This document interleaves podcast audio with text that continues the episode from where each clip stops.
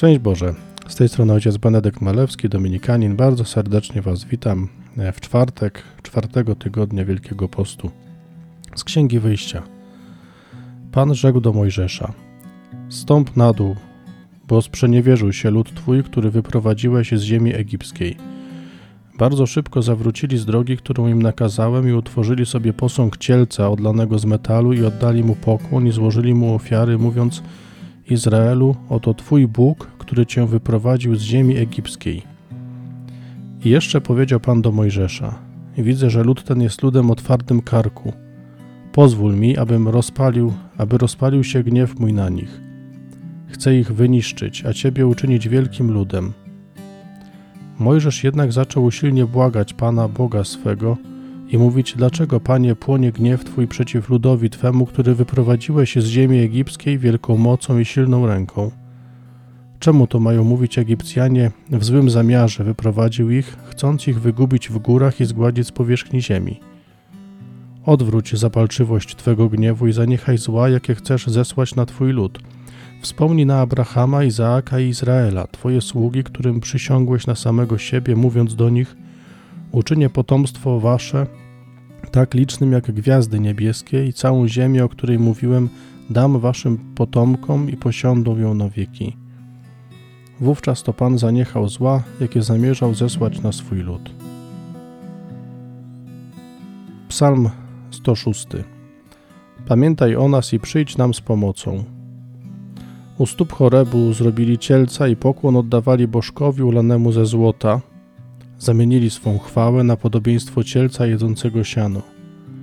Zapomnieli o Bogu, który ich ocalił, który wielkich rzeczy dokonał w Egipcie, rzeczy przedziwnych w krainie Hamitów, zdumiewających nad Morzem Czerwonym. Postanowił ich zatem wytracić. Gdyby nie Mojżesz, jego wybraniec, on wstawił się do niego, aby odwrócić jego gniew niszczący. Z Ewangelii według świętego Jana. Jezus powiedział do Żydów – Gdybym ja wydawał świadectwo o sobie samym, świadectwo moje nie byłoby prawdziwe. Jest ktoś inny, kto wydaje świadectwo o mnie, a wiem, że świadectwo, które o mnie wydaje, jest prawdziwe. Wysłaliście poselstwo do Jana i on dał świadectwo prawdzie. Ja nie zważam na świadectwo człowieka, ale mówię to, abyście byli zbawieni. On był lampą, co płonie i świeci, wy zaś chcieliście radować się krótki czas jego światłem. Ja mam świadectwo większe od Janowego. Są to dzieła, które Ojciec dał mi do wypełnienia. Dzieła, które czynię, świadczą o mnie, że Ojciec mnie posłał. Ojciec, który mnie posłał, On dał o mnie świadectwo. Nigdy nie słyszeliście ani Jego głosu, ani nie widzieliście Jego oblicza, nie macie także Jego słowa trwającego w was, bo wy nie uwierzyliście temu, którego On posłał. Badacie pisma, ponieważ sądzicie, że w nich zawarte jest życie wieczne. To one właśnie dają o mnie świadectwo, a przecież nie chcecie przyjść do mnie, aby mieć życie. Nie odbieram chwały od ludzi, ale poznałem was, że nie macie w sobie miłości Boga. Przyszedłem w imieniu Ojca mego, a nie przyjęliście mnie. Gdyby jednak przybył ktoś inny we własnym imieniu, to przyjęlibyście go.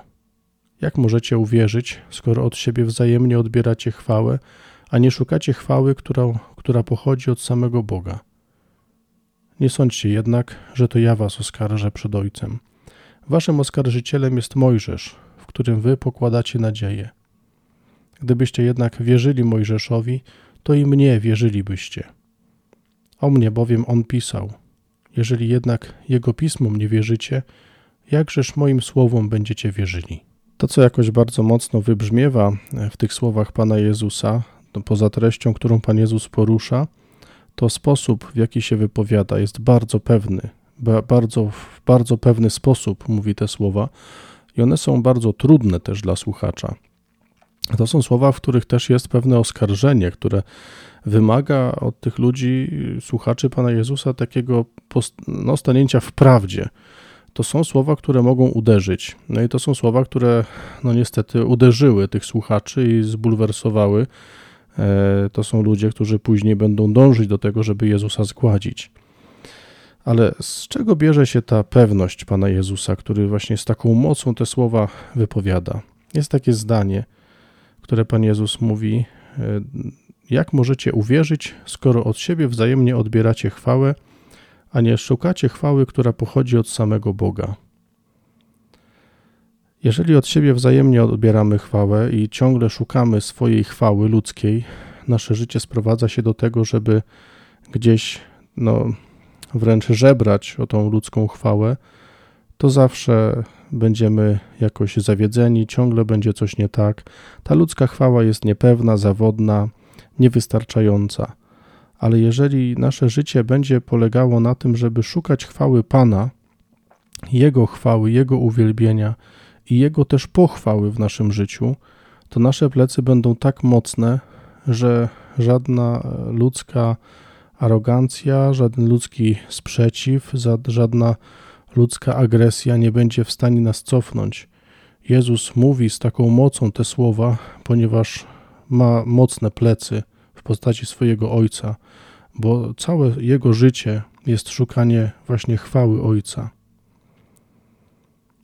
Panie Jezu, Ty, który przyszedłeś na ten świat, uniżyłeś się aż do śmierci, nie skorzystałeś ze sposobności, aby na równi być z Bogiem, lecz ogołociłeś samego siebie. I byłeś w stanie to, Panie Jezu, robić, dlatego że całe Twoje życie było jednym wielkim uwielbieniem Ojca. I wiedziałeś, że nawet starcie na proch niczego Ci nie odbierze. Proszę Cię, Panie, byś posyłał do nas swojego ducha, by on przekonywał nasze serca o tym, że szukając chwały Twojego Ojca, będziemy naprawdę żyć, będziemy mieli życie w sobie. Uwielbiam Cię, Panie, w tym, co dla nas robisz i czego nas uczysz swoim życiem i swoim słowem. Ty żyjesz i królujesz na wieki wieków. Amen. Pan z Wami i z Duchem Twoim. Niech Was błogosławi Bóg Wszechmogący, Ojciec i Syn i Duch Święty. Amen. Trwajcie w pokoju Chrystusa. Bogu niech będą dzięki. Dobrego dnia Wam życzę. Niech to będzie dzień, gdzie będziecie doświadczać chwały Ojca, ale niech Wasze życie ten cały dzień będzie właśnie na Jego chwałę. Wszystkiego dobrego.